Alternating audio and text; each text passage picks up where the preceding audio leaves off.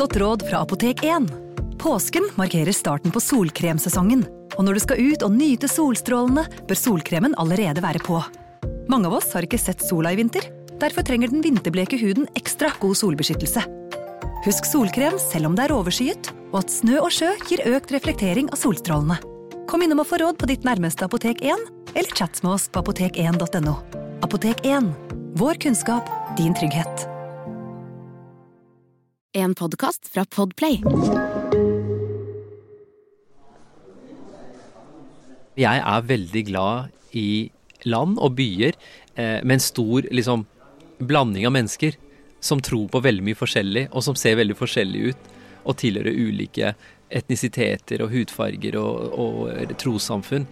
Og det er Beirut i et nøtteskall.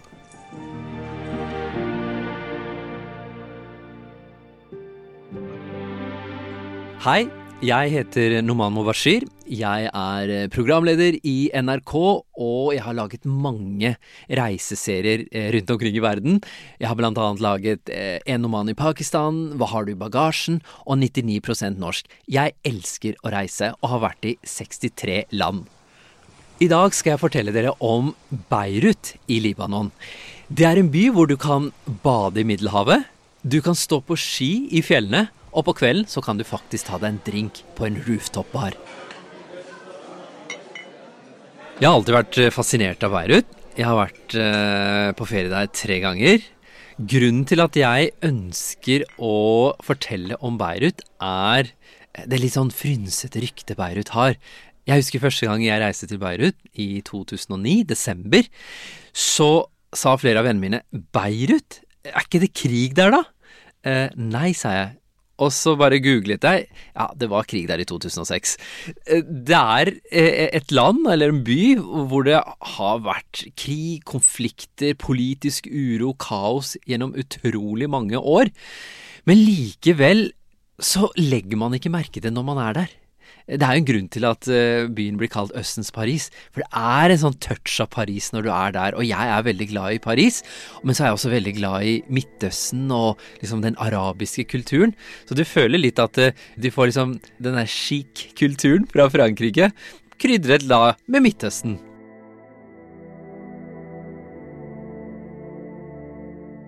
Jeg var i Beirut sist gang i 2014. Så det er noen år siden. Første gang jeg var i Beirut, så var jeg der med en god venn. Andre og tredje gangen var egentlig jobb, men også ferie, fordi jeg var, sant, tok noen ekstra dager der. Det første jeg gjør når jeg er i Beirut, det er å gå ned til strandpromenaden. Den heter Cornish, det er jo et eh, fransk ord, men i veldig mange land i Midtøsten så kaller man strandpromenade for Cornish. Den er veldig vakker. Den slynger seg gjennom, eh, eller langs Middelhavet eh, gjennom flere kilometer. Og da pleier jeg ofte å starte på den siden hvor det gamle St. George hotell eh, har ligget i mange, mange tiår. Som var liksom et sånt glamorøst hotell hvor alle rike arabere og filmstjerner fra Europa kom for å overnatte og feste og feire. Og så går man da forbi noen små, flotte, vakre, pittoreske hus som ble bygd under den franske mandatperioden. Og så popper alle disse skyskraperne opp, som er bygd de siste årene. Og så bare beveger veien seg helt opp til en høyde. Og der ligger da denne Pigeon Rock. Altså det er en sånn steinkreasjon som skyter opp fra vannet og har et lite hull midt i. Og det er liksom Beirus store turistattraksjon. Veldig mange kommer dit på kvelden, for da lyses hele denne svære steinen opp. Det er jo folk som bader rundt der. Og så går det an å kjøre en båt gjennom dette store hullet da, i denne, denne steinen. Beirut har et veldig sånn behagelig middelhavsklima. Jeg har vært i Beirut i desember. Da er det sånn blanding av regn og varme. Og så har jeg vært der i august, og så har jeg vært der i tror jeg, april. Så jeg vil jo anbefale folk å dra dit på våren eller høsten. Da er det liksom det beste klimaet for oss eh, nordboere som ikke tåler liksom 35-40 grader. Men du har jo alltid vannet der da, som du kan bade i. Jeg er veldig glad i mat fra Midtøsten, og spesielt meza. ikke sant? Disse små rettene. Og det er gjerne sånn 10-15 forskjellige småretter. Og det er jo mye vegetar, så det er veldig sunt. Du har jo denne hummus som har blitt veldig kjent i Norge nå, med sånn kikertpuré. Du har aubergine, dippe, puré. du har en fantastisk sånn salat som heter tabulle. Masse kyllingspyd. Og så er det en annen ting jeg liker veldig godt i, i Beirut, som heter zatar. Det er som en sånn svær pizza. Og så toppes det da med f.eks. ost eller kjøttdeig eller timian.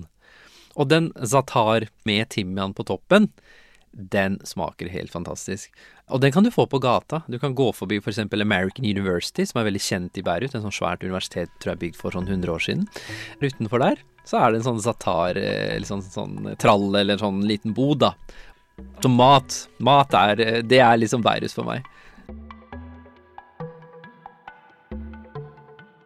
Jeg besøkte et sted som het Falamanki, eh, som jeg ble veldig sånn eh, sjarmert eh, av. Eh, det er en restaurant som jeg tror åpnet i 2008, så da jeg var der i 2009 så var jo det helt nytt. Det var en sånn egentlig ganske enkel restaurant med veldig sånn enkel libanesisk dekor. Fascinerende nok så hadde de langbord med sånn, sånn plastikkduker, som man hadde i gamle dager i Norge også, med så gjerne med sånn blomstertrykk på. Og så hadde de en veldig fin terrasse ute, hvor det var litt mer sånn forseggjorte, gammeldagse møbler og litt plysj og velur og eh, brokademønstra sofaer. Og den restauranten er faktisk oppe 24 timer i døgnet. Du kan spise lunsj og frokost og middag der. På kvelden er det en fantastisk stemning. Jeg husker fortsatt da jeg gikk inn på Falamanki. Det var sånn derre sånn eim av vannpipelukt. Eh, altså, det lukta tobakk, det lukta sånn eple, det lukta um, sånn mynte. Og det klirret i små kaffekopper. Eh, folk lo. Det var, liksom, du hører den arabiske rungingen sant, I, i lufta. Og masse god mat. Masse mesa og satar og grilla kjøtt. Jeg forelsket meg det stedet. Også fordi at den hadde en veldig fin historie. På tidlig 1900-tall så leste jeg det at det var en mann som het Falamanki et etternavn, som da ble født oppe i fjellene rundt Beirut. Og de var mange søsken, de hadde dårlig råd, så han kom ned til Beirut for å jobbe. Og der ble han en bryter, og gjorde det ganske bra som bryter. Men så fikk han noen skader som følte at han etter hvert måtte slutte med å bryte, og så ble han livvakten til en veldig kjent egyptisk businessmann. Og han tok med da Falamanki rundt omkring i verden. Og etter hvert så ja, kom han tilbake til Beirut og gifte seg og fikk en sønn. Og denne sønnen, da, da han ble stor, så åpnet han en restaurant til minne om sin far, som da het Falamanki. Det er to områder jeg liker veldig godt i Beirut. Det er eh, Hamra og Ashrafia. Hamra er jo en Altså, det var liksom Karl Johan, skjønte jeg da, uh, i Beirut i gamle dager. Jeg har en veldig god venn uh, og kollega i uh, NRK som er fotograf, men som er født og oppvokst i Beirut. Og han fortalte meg da jeg var der og besøkte han, da, at altså Hamra, det er liksom min barndom. Der var alle kinoene, der var alle teatrene. Eh, og det var liksom kino på kino på kinoer, og det var masse fine restauranter og kafeer. Og det var der, der alt skjedde, og folk kom kjørende i sine fine, gamle biler og parkerte, og så dro de på kino. Så det var, eh, det var veldig fint å være der eh, og høre disse fine historiene. Nå er jo ikke Hamra slik det var en gang i tiden. Ingen kinoer har overlevd. Så nå er Hamra gjort om til en lang gate med masse butikker og hoteller og alt mulig rart. Men likevel masse liv. Yrende folkeliv. Det andre stedet jeg liker å besøke, er Ashrafie. Det er en bydel hvor det bor mange kristne. Beirut er jo en multireligiøs by. Det bor mange muslimer der, men også veldig mange kristne. Og så er det ulike grener for, grener for kristne og muslimer, da. Og så har du en annen gruppe der òg, som er ganske stor og synlig, som heter drusere.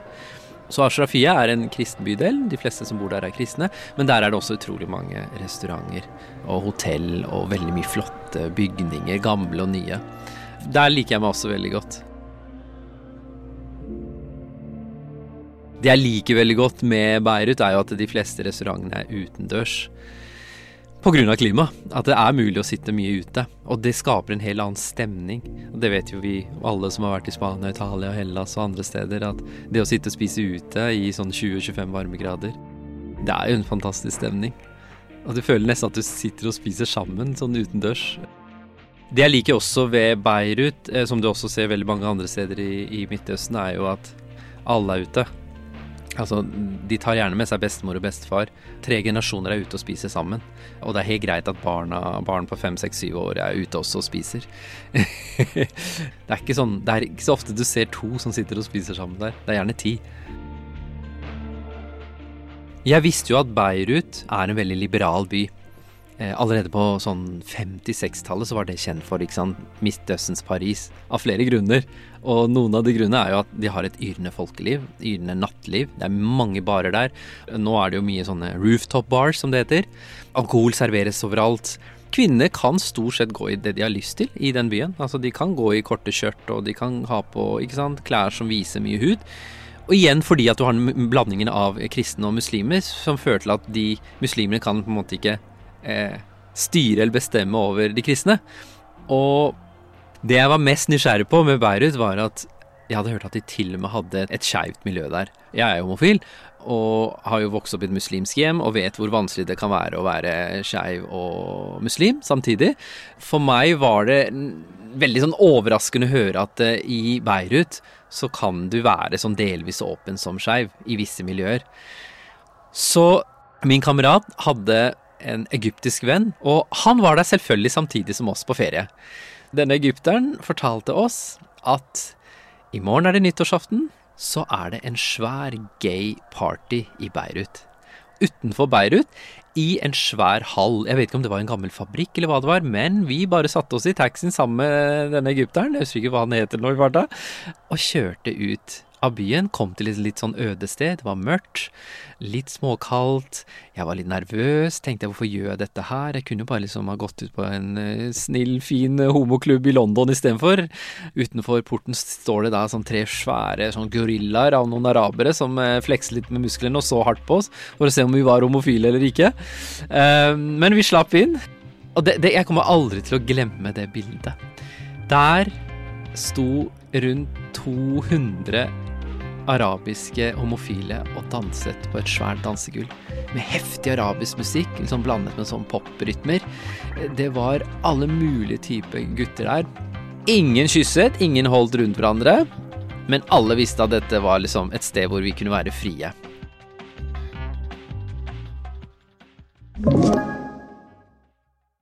Det jeg syns er litt trist da med utviklingen i um, Beirut, er jo at da jeg var der i 2009, så følte jeg at Beirut var et mye mer sånn åpent og um, et mer livligere sted enn da jeg var der tilbake i 2014. Den store utfordringen til Beirut er jo beliggenheten. Fordi Beirut er jo da hovedstaden i Libanon, og Libanon grenser da til Syria og til Israel. Eh, og dette er jo to land eh, med mye turbulens.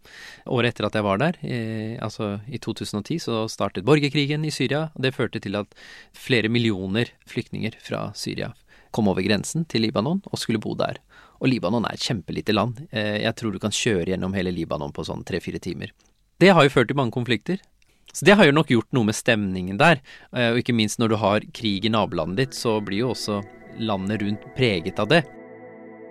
Jeg husker at det var en, um, en av de deltakerne som har vært med i et av de reiseprogrammene jeg har laget, da, eh, fra Beirut, sa til meg at eh, denne byen har fått så mye bank. Det har fått så mye bank, den har vært gjennom så mange kriger. Men likevel så reiser byen seg igjen, gang på gang på gang. Og det er så fascinerende. Eh, de har stort sett alltid en eh, politisk krise. De har vært gjennom korona. Samtidig så går Beirut gjennom eh, veldig tøff økonomisk tid. Så Beirut lider. Så sånn sett kan jo tenke sikkert noen av lytterne hvorfor skal vi dra til Beirut? Det er et sånn fascinerende sted at du kan faktisk dra dit på ferie og kose deg, ha det gøy. Samtidig så har du alle disse utfordringer rundt deg også. Jeg liker å reise til steder som ikke er sånn veldig sånn pene og pertentlige hvor alt går på skinner. Det er litt deilig med noen sånne humper her og der. Fordi vi, vi har det så godt i Norge, vi har det så godt i Oslo. Og jeg tror det er fint av og til å bli røsket litt ut av den derre komfortsonen vår. Og bli konfrontert med verden der ute, hvordan verden egentlig er.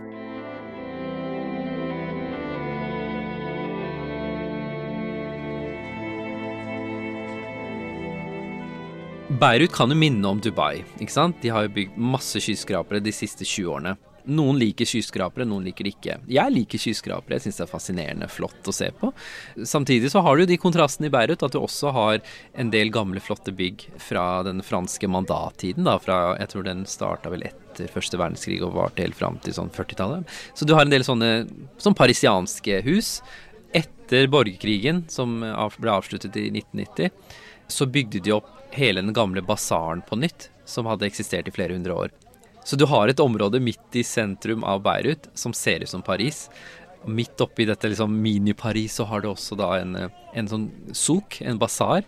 Men i den basaren, da, som bare liksom strekker seg i sånne lange gater, så, så er det bare masse moderne butikker. Der har du Gucci og Prada. og Zara og HM om hverandre. Og så har du eh, bygninger fra eh, osmanske rikes tid, altså det tyrkiske riket, som i Libanon var en del av på den, eh, i gamle dager. Du har et sånn svært klokketårn midt i sentrum, som er fra den tiden. Og så har du gamle kirker. Veldig gamle kirker. Vi snakker jo Midtøsten, hvor du både hadde ortodoks kirke, armensk kirke, katolsk kirke, protestantisk kirker. Så du har alle de forskjellige trosretningene har du der. Der kan du høre både kirkeklokker og bønnerop.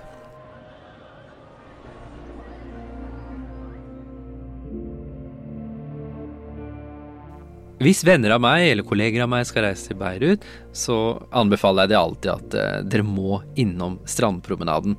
For det er liksom der det skjer. Det er liksom eh, hovedpulsåren i uh, Beirut. Vakker, fargerik, yrende folkeliv. Strandpromenaden i Beirut gjenspeiler Midtøsten. Her finner du alle typer mennesker. Eh, du har disse gamle damene i sånne fasjonable franske drakter med store solbriller og, og masse gull eh, på seg, som, som promenerer bortover eh, veien. Du har gutter, gjerne i bar overkropp, som jogger. Du har store sånne flokker med mødre i hijab og lange kåper som går tur sammen. Du har damer som jogger, du har folk som eh, er ute på skateboard, du har folk som er ute og sykler. De selger is der. Og så fisker de der. Masse menn. Ikke damer, jeg vet ikke hvorfor, men det er masse menn som står og fisker der. Og det er veldig mange som følger med, da, er nysgjerrige. Det gøyeste er at du kan se folk som ber på disse små klippene langs stranda. Det har jeg sett flere ganger av menn som har bada. Og så slenger de ut bønneteppe eller hva de har med seg, og så ber de. I shorts, da. Det er kanskje liksom ikke det Du skal ha på deg litt mer tøy når du ber, men de gjør det. I Midtøsten så har de kanskje litt sånn mer eh, respekt for sola og varmen. Det er ikke så mye liv der på, midt på dagen. Altså, du ser nesten ikke mennesker på strandpromenaden eller på stranda.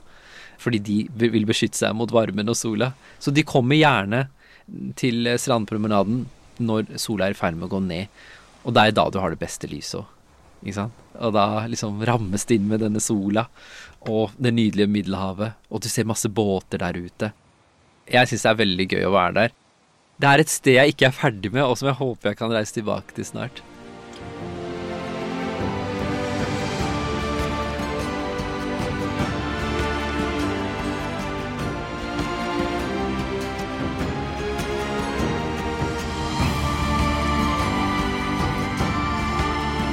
Reis med meg er produsert av Klynge for Podplay. Og produsent til meg, Hanne Mjelstad. Produsert av Klynge. Du har hørt en podkast fra Podplay. En enklere måte å høre podkast på. Last ned appen Podplay, eller se podplay.no.